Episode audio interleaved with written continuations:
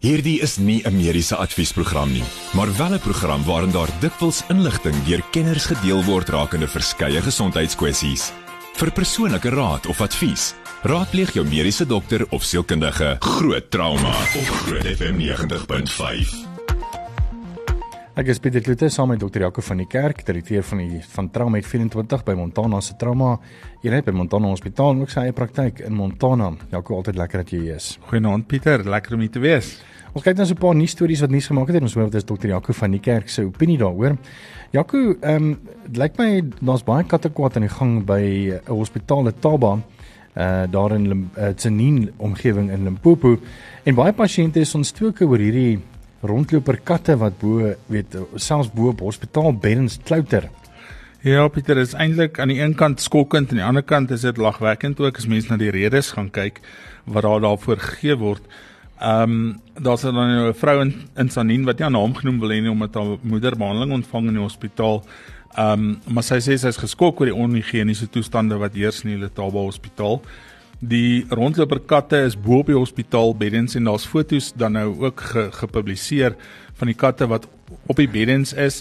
Die katte um skeer die kleefplastiek wat oor die pasiënte se kos is en dan vreet hulle selfs die pasiënte se kos. Um die ander onhigiëniese toestande wat daar daar heers is dat die ontlasting van die katte um in die gange lê en baie van hierdie is al droog. Um so lank lê dit al daar Um spinnekoppe en spinnerakke is algemeen in die sale te sien.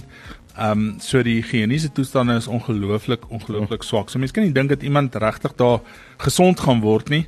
Ek dink um as mens kyk na nosokomiale infeksies of infeksies wat opgedoen word in 'n hospitaal, um is die persentasie daar waarskynlik ongelooflik hoog.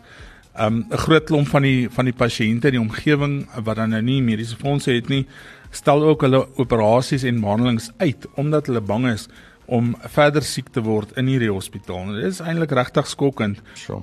Die lagwekkende deel daarvan is en dit is die woordvoerder van die departement van gesondheid in Limpopo wat dan gesê het die katte is belangrik vir die balans van die ekostelsel by die hospitaal. Die katte help om slange en knaagdiere op die hospitaalterrein te vang. Die katte teel ongelukkig vinnig aan en dan vra ons dierebeskermingsvereniging vir hulp. Hy kon nie sê wat met die katte in die hospitaalsale gedoen gaan word nie. Jy weet, is dit jou redenasie as jy net hospitaal skoon hou, dan uh hoef dan die katte te wees hmm. om al hierdie peste en ellendes onder beheer te hou nie. So dis dis regtig waarskokkend en ek dink dit is dis onmenslik om mense te behandel in sulke hmm. omstandighede. Dan lyk vir my ehm um, dat die uh minister Joe Pala van gesondheid vorder nogal en hy woeker want hy sê daar's nou 31% minder vakante poste in die mediese velde. Ja, ek dink daar's daar's daar's goed en sleg aan die storie ook. Ek dink dit is baie goed dat ehm um, hulle dan nou 31% minder vakante poste het in vergelyking met Junie verlede jaar. Ehm um, so hulle sê daar's meer as 27000 vakatures vir dokters, verpleegsters en gesondheidspersoneel gevul, maar aan die einde van die dag is daar nog steeds 19000 oop poste.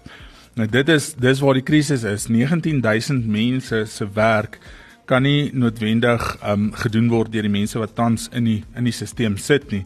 Um dit is so dat die die 31% persentasiekoers um vir die geval van vakante poste eintlik baie goed is.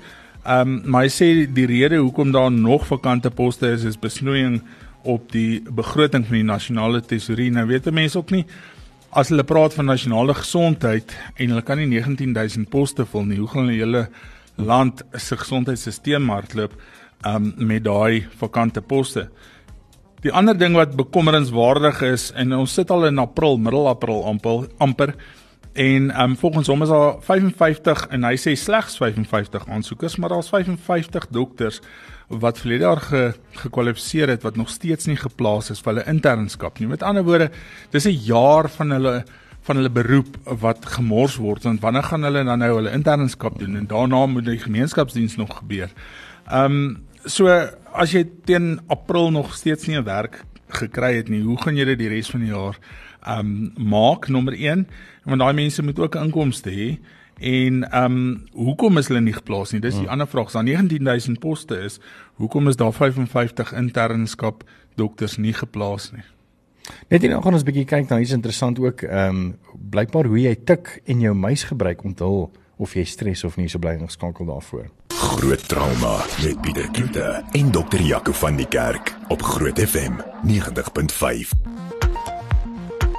Ek het nou gekyk na so 'n paar nuus stories wat nuus gemaak het en ek hoor 'n bietjie wat is dokter Jaco van die kerk se opinie daaroor.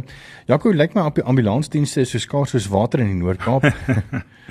ja, natuurlik. Ehm um, dis eintlik 'n skandalige storie, jy weet. Ehm um, hulle sê dan ambulansdienste in die Noord-Kaap is so skaars dat pasiënte in krywaans en lykswaans kliniek toe vervoer moet word. En daar's 'n 30-jarige vrou wat dan op die plaasdorp Hannover in die Noord-Kaap begin klaat van pyne in haar bors en haar vriend kon nie ambulans in die hande kry nie en het haar toe maar op 'n krywa gelaai en kliniek toe gevat. Um hmm. hulle het toe nou met die um of die die die die paartjie se se seentjie van 3 op die krywa die so wat 'n kilometer na die plaaslike kliniek toe gegaan op die krywa omdat die vrou nie kon loop nie.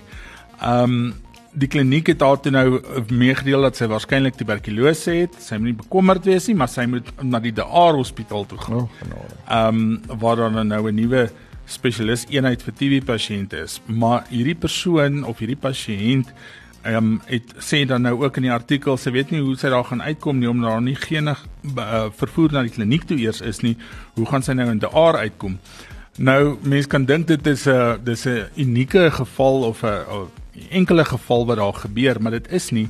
Dis nie die uitsondering nie. 'n Paar weke gelede sê hulle was daar 'n ongeluk op die N1 net buite Hannover. Nou ons weet almal as jy uit Koelsberg uit ry Hannover, Richmond, daai plekke is mm. ver uit mekaar uit. En ehm um, daar was dit dit was 'n taxi en 'n vragmotor en dan was daar verskeie mense beseer. Die naaste ambulans, omdat daar nie 'n ambulans op Hannover is nie, is dan nou of van Koelsberg of van Richmond af wat onderskeidelik 80 en 60 km van hierdie van hierdie dorp af is en dan moet hulle nou na die aard toe vervoer word wat nog 60 km verder is.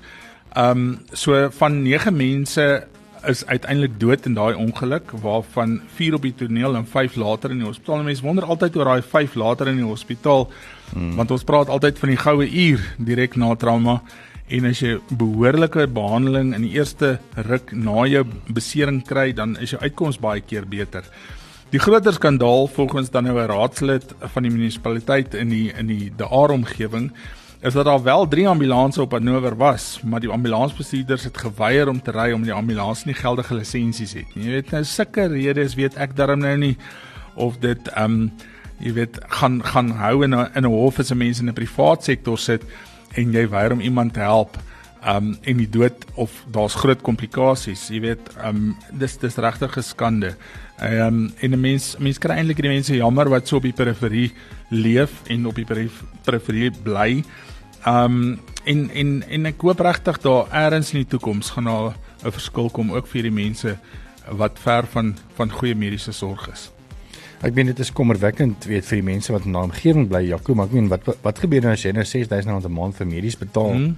en jy is op die top tier van 'n baie goeie mediese plan en jy is nou in 'n ongeluk hmm. daar meen dan gaan jou medies jou nie eintlik regtig baie help nie. Glad nie, jy weet en en dit is dis die hartseer van die van die hele verhaal. Maak nie saak nie as jy in 'n ongeluk kom in die Noord-Kaap, waar gaan jy waar gaan jy eindig en gaan jy ooit eers eindig behalwe in 'n lykswa. Sure. Ja, goed dan ehm um, baie ouers is bekommerd oor RSV. Eers moet jy vir ons sê wat is RSV en hoekom dink jy is ouers bekommerd daaroor deesdae? Pieter RSV is dink ek seker een van die mees algemene infeksies in in jong kinders. Um RSV staan vir respiratoriese sinsitiaal virus. Um dit is 'n uh, lugweg obviously geassosieerde virus wat dan bronchiolitis wat eintlik maar 'n vorm van klein lugweg infeksie en inflammasie in kinders veroorsaak. Nou, die Nasionale Instituut vir Oordraagbare Siektes het dan nou in Maart um, vanjaar gewaarsku teen 'n skerp toename in hierdie respiratoriese sinsitiaal virus gevalle wat dan nou bronchiolitis en lugweginfeksie onder jong kinders veroorsaak. Um dit kan 'n ernstige toestand wees en en en en in baie kinders se geval is dit veral baie jong kinders, kinders wat vroeggebore is of premature babas wat se longontwikkeling nog nie goed is nie. Um by hulle kan dit 'n baie ernstige en lewensgevaarlike siekte wees. Um maar die algemene maatreëls van enige virus lugweginfeksie, soos wat dit met COVID was, um, is nog steeds van toepassing ook met RSV virus. So as jou um, enige lid van die gesin um, jy weet 'n loopneus het of rooi oogies het of hierdie hierdie tipiese verkoue simptome, ehm um, moet 'n mens net jou infeksiebeheer maatreëls skerp of opskerp. Jy weet gewone goed weer eens soos wat ons altyd in coach gesê het, hande was, saniteer. Ehm um, hou net hou net alles skoon. Ehm um, as mense in Suid-Afrika kyk en Dr. Jager Boysen, hy's betrokke by ehm um, Life ehm um, Eugene Maree Hospitaal. Hy's daar by ons hospitaal ook betrokke. Um, sê dat as jy hier teen die ouderdom van 2 is, het die meeste kinders in Suid-Afrika al een of twee keer RSV virus gehad. En in meeste gevalle is die behandeling simptomaties, antibiotika werk nie daarvoor nie omdat dit 'n virusinfeksie is. Maar gevaartekens wat daarop dui dat hospitalisasie benodig word, is dat die baba niks meer eet nie of moeilik eet as jy begin 'n blou uh kringetjies om die mond sien of blou verkleuring van die vel om die mond sien, vinnige asemhaling, sukkel om asem te haal. Um en en en en daai tipe van beeld is dan uh, indikasie vir noodbehandeling of vinnige optrede van die ouers se kant af. Um ek dink dit is so dat as daar RSV virus in 'n omgewing is vir al hierdie tyd van die jaar, dan is dit amper ook 'n pandemie op sy eie. En ehm um, 'n mens moet maar die kinders oppas en soos ek sê dit kan 'n lewensgevaarlike toestand wees, maar die meeste kinders ehm um, herstel nogal redelik vinnig na RSV. En dan is dit af met ehm, 'n um, studie wat gedoen is deur die Switserse Federale Instituut vir Tegnologie in Zurich en hulle sê dat die manier waarop mense tik op rekenaar en 'n rekenaarmuis gebruik kan beter stresaanwysers wees as 'n hartklop. Jaco, hoekom? Ja, hulle ehm um, meen dat hulle model kan help om kroniese stres te voorkom. So die navorsers van die Switserse Federale Instituut vir Tegnologie in Zurich het gesê hulle het ehm um, nuwe data en 'n masjienleer gebruik om 'n vars model te ontwikkel vir die opsporing van stresvlakke by die werk. Ehm um, hoe ons op die sleutelbord tik of hoe ons muis beweeg, ehm um, blyk egter 'n beter voorspeller te wees op hoe 'n uh, hoë stres en hoe gestres ons is um in die kantooromgewing as wat ons hartklop is. Ek dink um hulle het 'n wiskundige en 'n studieskrywer um Ma Mara nou hoe sê mens daai van Pieter uh, Nagelin. yes. Um het het dit gesê En ek dink hulle is nog besig met hierdie navorsing, maar ek dink dit is 'n baie interessante navorsing en ek dink daar's baie meer indikasies vir wat is stres by die werk, want as jy vir iemand in 'n in 'n spreekkamer opset vra, is jy gestres, dan sê hulle nee, eg nie meer is altyd nie, maar wat is altyd? Hmm. Ehm um, so ek dink dit is tog definitief 'n goeie manier Um en ek dink daar moet baie meer maniere nog ont, ontdek en en en nagevors word oor hoe om stres by die werk aan te dui sodat 'n mens dit effektief kan kan beheer en en hanteer. Ek sien een van die kommentare op die artikel uh met die naam Ella Bella Box sê dit is waar. My werknemers kom vinnig agter as ek meer gestres is, ek tik harder. en dalk is hulle meer kwaad ook, né? Nee. Maar ek ook net hierna gaan ons 'n bietjie gesels met Hugo Minnar asook met Dr. Ramsami en ons gaan 'n bietjie gesels oor konkussie in sport en natuurlik by jou kind en dit gister na aanleiding van die seun van Boys High wat uh ook so weke wat gelede in Pretoria uh opgeneem is vir konkussie. Met die volgende program bo Groot FM 90.5 om jou as luisteraar met die nodige inligting oor 'n spesifieke onderwerp te voorsien. Alhoewel hierdie inligting dikwels deur 'n kenner op die gebied gedeel word, word jy aangemoedig om jou mediese dokter of sielkundige te besoek vir persoonlike advies of raad. Groot trauma met Pieter Kloete en dokter Jaco van die Kerk op Groot FM 90.5.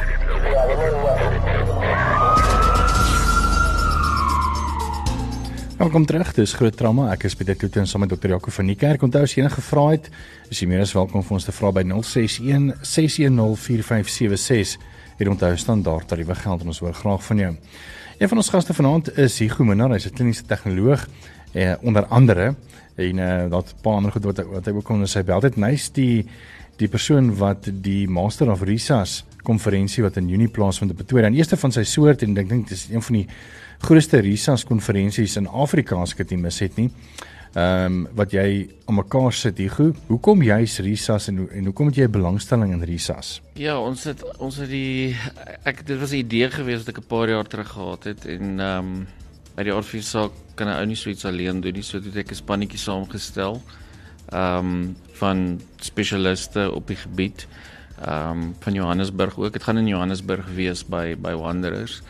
En dit is basies vir mediese personeel, dokters, susters en paramedici om al die nuwe ehm um, trends in in resuscitasie wêreldwyd ehm um, opleiding te ontvang en natuurlik goed wat ons nie elke dag doen nie. Hmm. Ehm um, resuscitasie verander die heeltyd.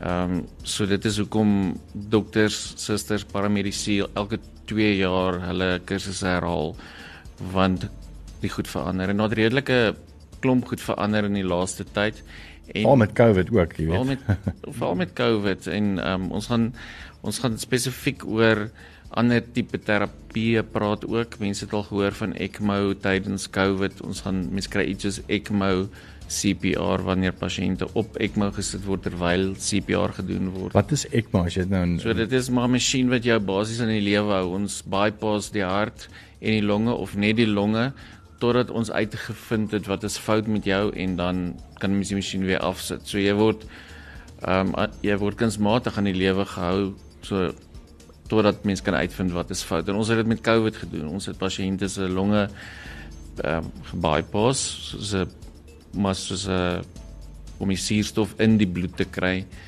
buite kan die liggaam.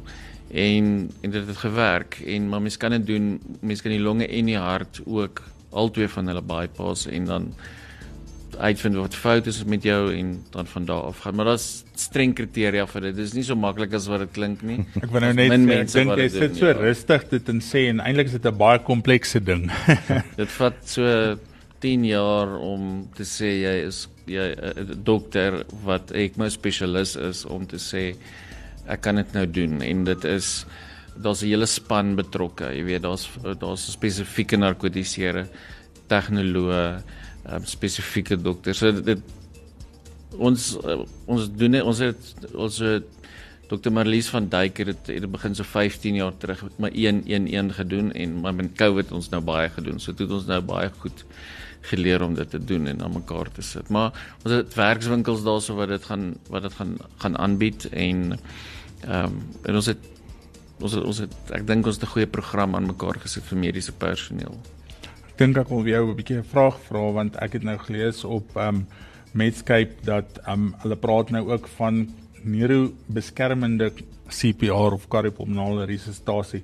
As 'n mens nou gaan kyk na mense wat kollabeer, omtrent 25 tot 85% van hulle het 'n nie shockable ritme as jy by hulle kom. So dan moet jy hulle obviously op die ou manier maar CPR. Ja. Maar ons het hulle altyd laat plat lê. So wat gebeur nou en hoekom?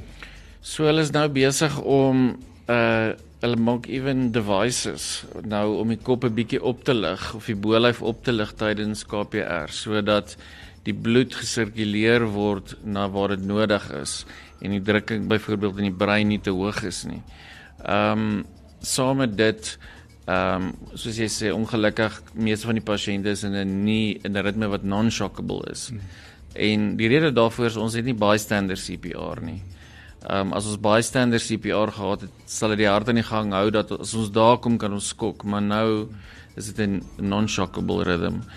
So vir dieselfde rede ehm um, as wat as wat daai nou ingebring word, ehm um, leer ons is daar iets soos wat nou hulle noem double sequential of dual sequential defibrillasie waar ons twee masjiene wat jy die hart mee skok op die pasiënt sit en dan basies gelyk skok. So daar's heeltyd goed wat verander. Ehm um, en outomatiese borskaskompressies. Ek seker heeltemal gepraat oor dit van tevore, 'n masjien wat outomatiese hmm. borskaskompressies doen.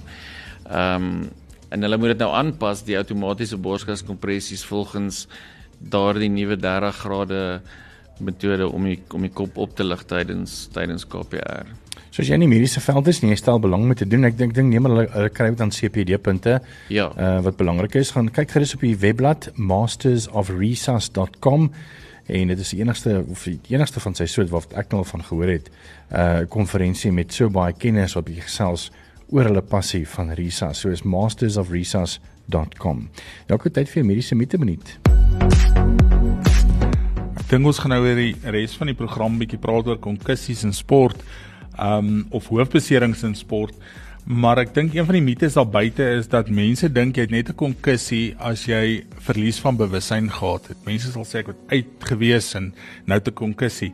Dis nie nodig om bewussyn te verloor om nog steeds konkussie te hê nie. En ek dink ons gaan nou net daaroor praat ook dat as jy 'n uh, stomp of of of nie 'n penetrerende hoofbesering het, ehm um, hoef jy nie eers noodwendig so baie energie oordrag te hê om wel 'n konkussie te kan kry nie. En ek dink net ruk terug, um ek hoeveel jaar terug, so 2, 3 jaar terug het ons met daai um uh, te Benito Malo Benito Malo gepraat het um oor oor konkussie en um dis eintlik 'n baie meer algemene ding as wat ons dink en dis meer 'n fisiologiese of 'n funksionele verandering van die brein eerder as 'n struktuurverandering en ek dink ons gaan nou 'n bietjie meer daaroor praat. Groot trauma op Groot FM 90.5.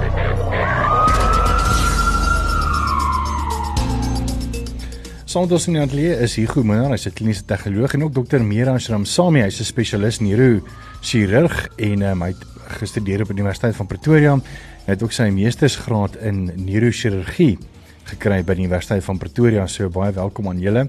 Ek gaan sommer by die deur in die, in die huis inval and um just to make it easier for you uh, Dr. I'm Samuel going to do it in English uh, because I know that you're Afrikaans uh, despite the fact that you were in you know, University of Pretoria.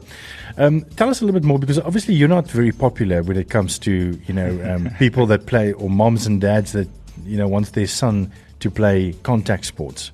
Uh, are you what what is your opinion with regards to contact sports? Now, just to give a bit, a bit of context, you know, myself and Yaku um, spoke to Dr. Bennett Umalu a couple of uh, years ago, and he's very open about saying that you know children should not play contact sports because he was the guy that obviously um, found the condition called chronic traumatic encephalopathy, which can only be seen if you did an an, op- an autopsy. I mean, you can't even see it in a CT scan.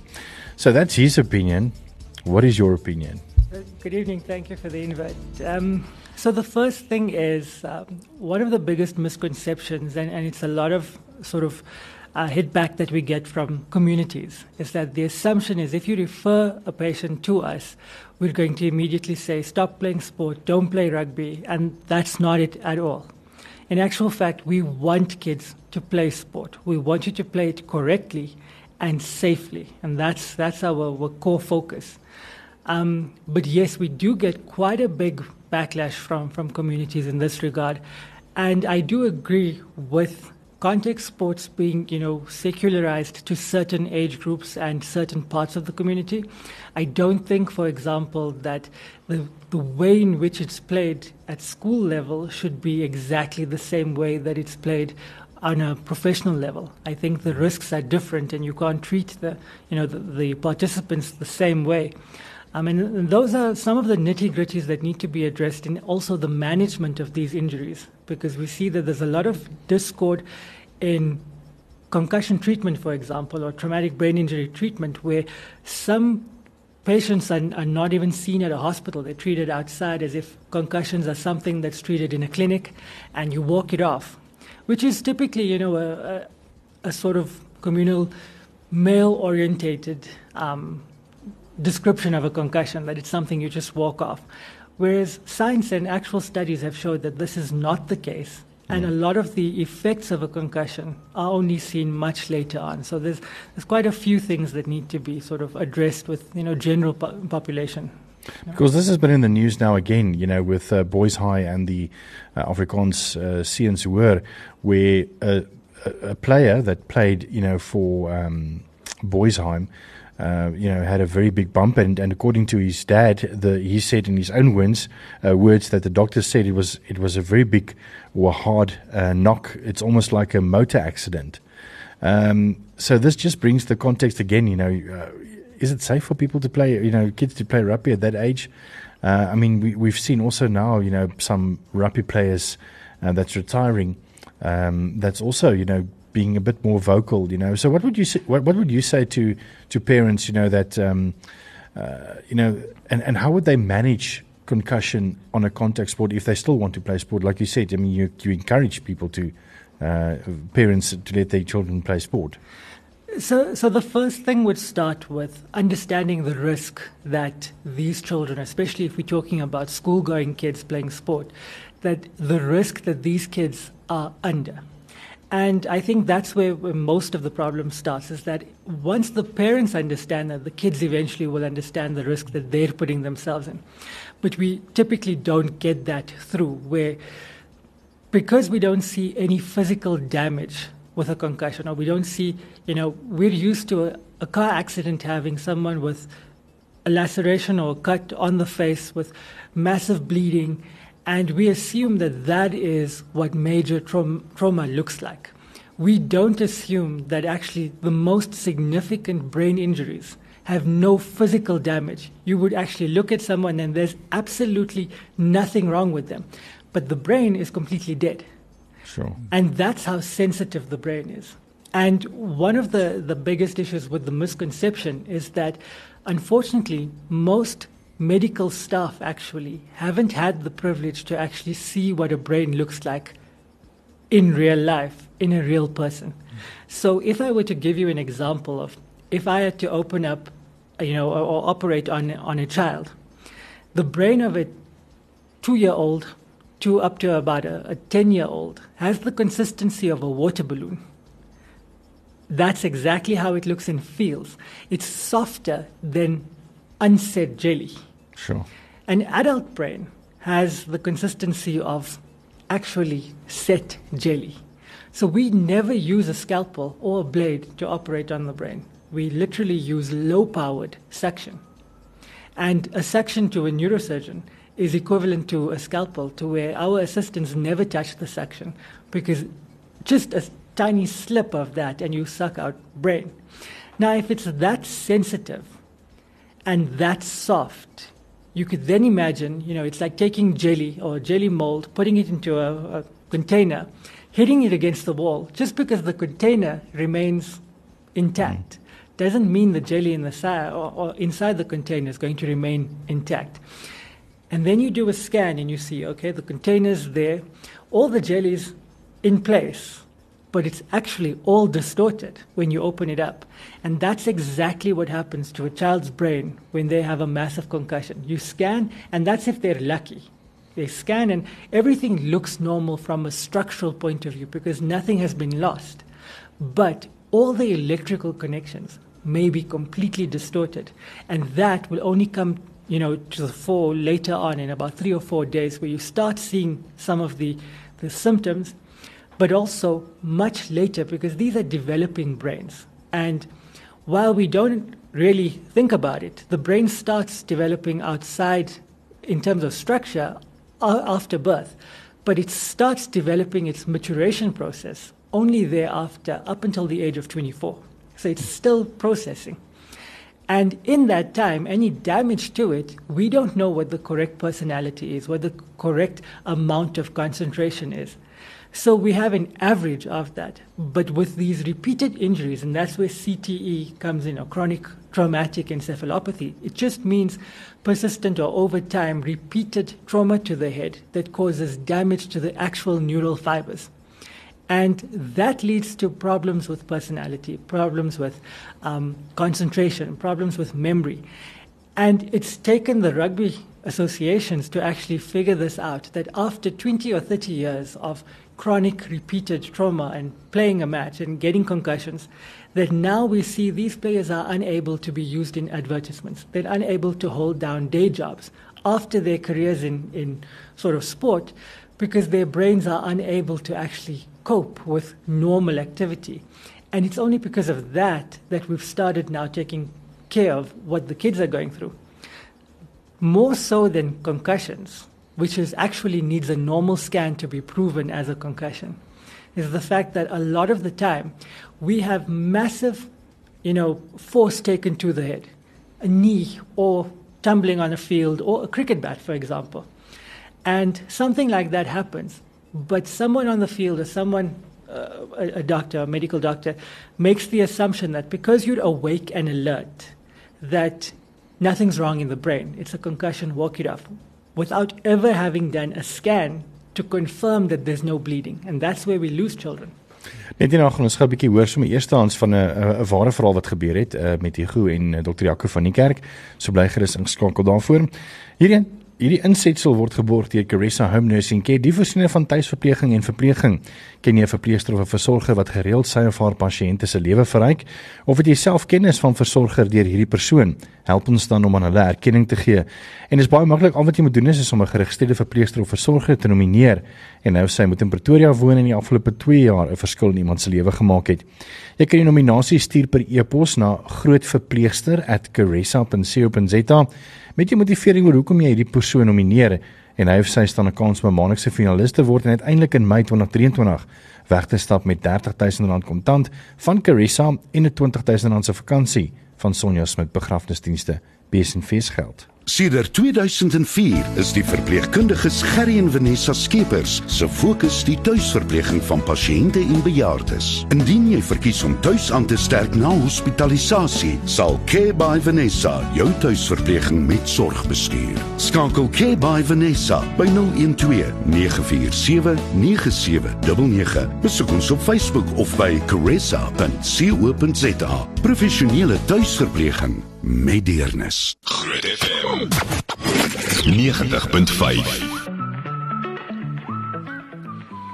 Sorry Jaco, ek mag gou vinnig vir ons sê wat is daai uh, Vanaand se nominasie is gestuur deur Candice Winter en sy nomineer vir Martha Ninaber. Sy sê Martha word binnekort 70 jaar oud en verpleeg al vir die laaste 50 jaar en dis ongelooflik. Jy weet, um, ek dink min van ons se loopbane is so lank. Haar passie vir haar beroep kan 'n mens altyd met die glimlag op haar gesig sien. Um sy laat mense altyd welkom voel en gesels terwyl sy haar werk doen. Sy is baie professioneel en mense kan haar met enigiets vertrou. So vanaand Martha Ninaber met 50 jaar diens in die beroep. Nou ja, toe baie welkom. Groot trauma met Pieter Kloete en dokter Jaco van die Kerk op Groot FM 90.5.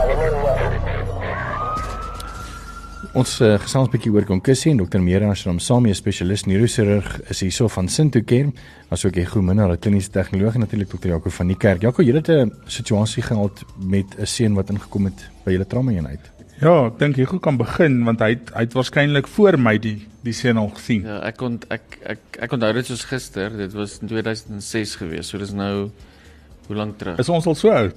Ons is ons is oud.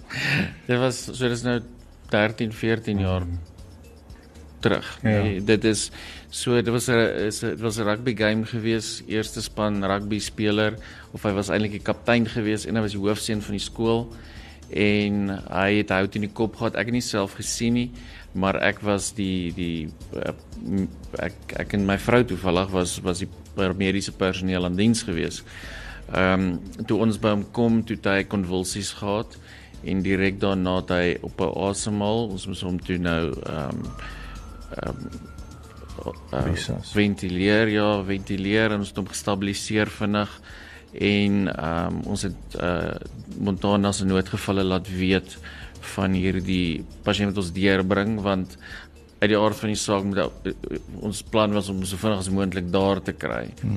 Ehm um, daar was dit was baie traumatiese ervaring want almal almal wil saam in die ambulans en dit is die weet dit is ek dink dit was die hoofseun gewees mm. ook en ehm um, ons is toe reguit deur ehm um, maar maar teen daai tyd weet daar was daar was geen ehm um, ons noem dit die Glasgow koma skaal. Ehm um, wat wat ons sê wat is die bewussyn vlak van die van die ehm um, kind of die persoon wat klaar Glasgow van 3 uit 15 gehad en dit was die dis die slegste wat jy kan kry is 3 uit 15. Ehm um, en ons het hom ingeneem. Ek was ek was daai tyd nog redelik junior gewees en ons het hom ingeneem en toe toe het hulle oorgeneem en hom dadelik op ventilator geplaas en en hy's toe dink daai selfe aand oorlede.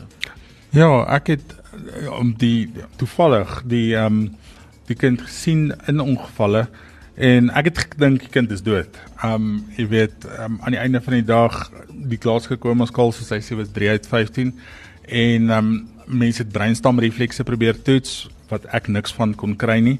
Ek het dan met ons neurochirurg Dr. Kreer daar ook gepraat. Hy het ook kom kyk en hy dan nou later die aand die kind dood verklaar. Um met eintlik nie 'n lelike CT scan van die brein nie en daar was nie 'n massiewe bloeding gewees um, aan die einde van die dag nie. Ehm um, so is dit diffuse aksonale skade is dis eintlik dink ek wat die wat die oorsaak was. Maar as mens mooi na die geskiedenis gaan kyk, dan was daar 'n geskiedenis van konkussie um meganisme van besering in die voorafgaande 2-3 weke.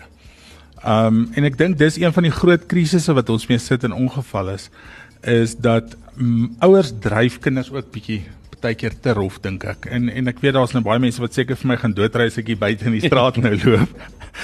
Maar mens kry so baie in ongevalle dat iemand inkom, jy ondersoek die pasiënt, jy kan sien daai kind is nie lekker nie, hy is van balans of hy's naar, hy het hoofpyn, hy kan nie lekker onthou nie. Um en al wat die ouers lê is hoekom sken jy nie die kind nie? Nou sken ons die kind, nou is die kind se brein sken normaal. En ons het nou daaroor gepraat dit beteken eintlik niks. Dit beteken net daar's nie 'n massiewe bloeding nie, daar's nie 'n skedelfraktuur nie, daar's nie 'n massive ding wat eintlik 'n baie groot groot kalamiteit ook is op sy eie nie. Maar dit beteken nie daar's nie 'n struktuurprobleem binne in die brein nie. En dan is die volgende vraag, wanneer kan hy weer begin rugby speel? En ek dink dis waar ons daarom nou gelukkig die spesialis hier het wat vir ons sê wanneer want ek het ook altyd gesê 6 weke en die eerste 2 weke niks doen nie. En eerste 2 weke niks doen nie, dan vra hulle wat is dit? Dan sê ek jy moet nie eers jou brein inspann om te lees of TV te kyk nie. Jy moet niks doen nie. Um en dan kyk hulle jou aan asof jy heeltemal mal is want volgende naweek is dit proewe vir die volgende eerste span. Um wat maak mense in so 'n geval? En ek dink dis my vraag. So yes, we we get that a, a lot with concussions where, you know, um, the scan comes back normal and you know that it's not a severe traumatic brain injury, but it still remains a brain injury, mm. just without structural damage that needs surgery. It's microvascular damage that you can't see on a scan, but if you had to see on an autopsy, you would under a microscope. But this is a living child. And now the parents, or I've gotten calls from schools in Pretoria, coaches, who after I've given a letter from a neurosurgeon to say, this child is booked off for six weeks or not playing sport for six weeks, calls me and says, where have I studied this? Because um, sure. I've been asked that directly. What? Where have I studied this? Because they quote the Box Smart guidelines. Now, Box Smart guidelines, just to tell the you know the viewers or listeners about this, are named after the Springboks, the national team for rugby, because there are lots of concussions within the sport of rugby. It is a contact sport. And in actual fact, South Africa was one of the first to invent these guidelines to get you back to or return to play. That's what they call the box smart return to play guidelines to rehabilitate a player back into sport as quick as possible and get them back into earning capacity once they've had a brain injury or a concussion. Now, that is usually a six week period because it's two weeks off with brain rest, which includes a high sodium diet, um, low glare from TV screens or all forms of, of screens, low amounts of analytical thinking, just to give the brain rest for those two weeks. Then two weeks of normal activity, house based, your daily living activities. Um, but no operating of heavy machinery and no return to direct sport. You can do training and exercise, but you can't do immediate full length matches. And then two weeks of returning to active sport, but not a full length match until the end of the six weeks. Now, a lot of the coaches from schools quote these guidelines and say, but how is it that Boxmart guideline says two weeks off and then start gradually returning, but you're saying six weeks for the kid? And the issue with that is, is professional players are in earning capacity. So the guidelines are structured to make sure that these professional athletes are able to earn an income or a living as quick as possible in as safe as possible means, which is taken as these return to play guidelines. But that does not apply to a child in school who's not earning. That's actually abuse if you do that. Mm. But the conception, or the misconception rather, is there that you can put return to play guidelines for professional athletes and apply that to a school going kid. With a school going kid, I won't deny the next rugby player, super sport, you know, athlete.